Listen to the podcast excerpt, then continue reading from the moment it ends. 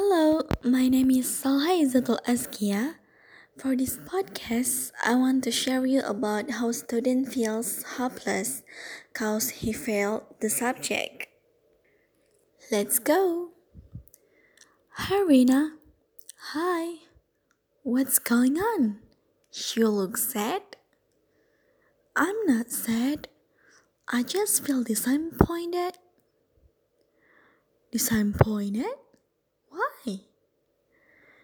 Here, look at my basics examination score. Ah, I see. I have studied very hard for the exam, but that's all I get. I'm very disappointed.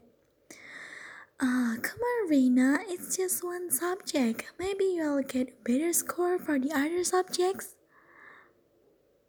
I don't know. I hope so. Don't be disappointed, Rina. Let's wait until all the examination scores come out. Yeah.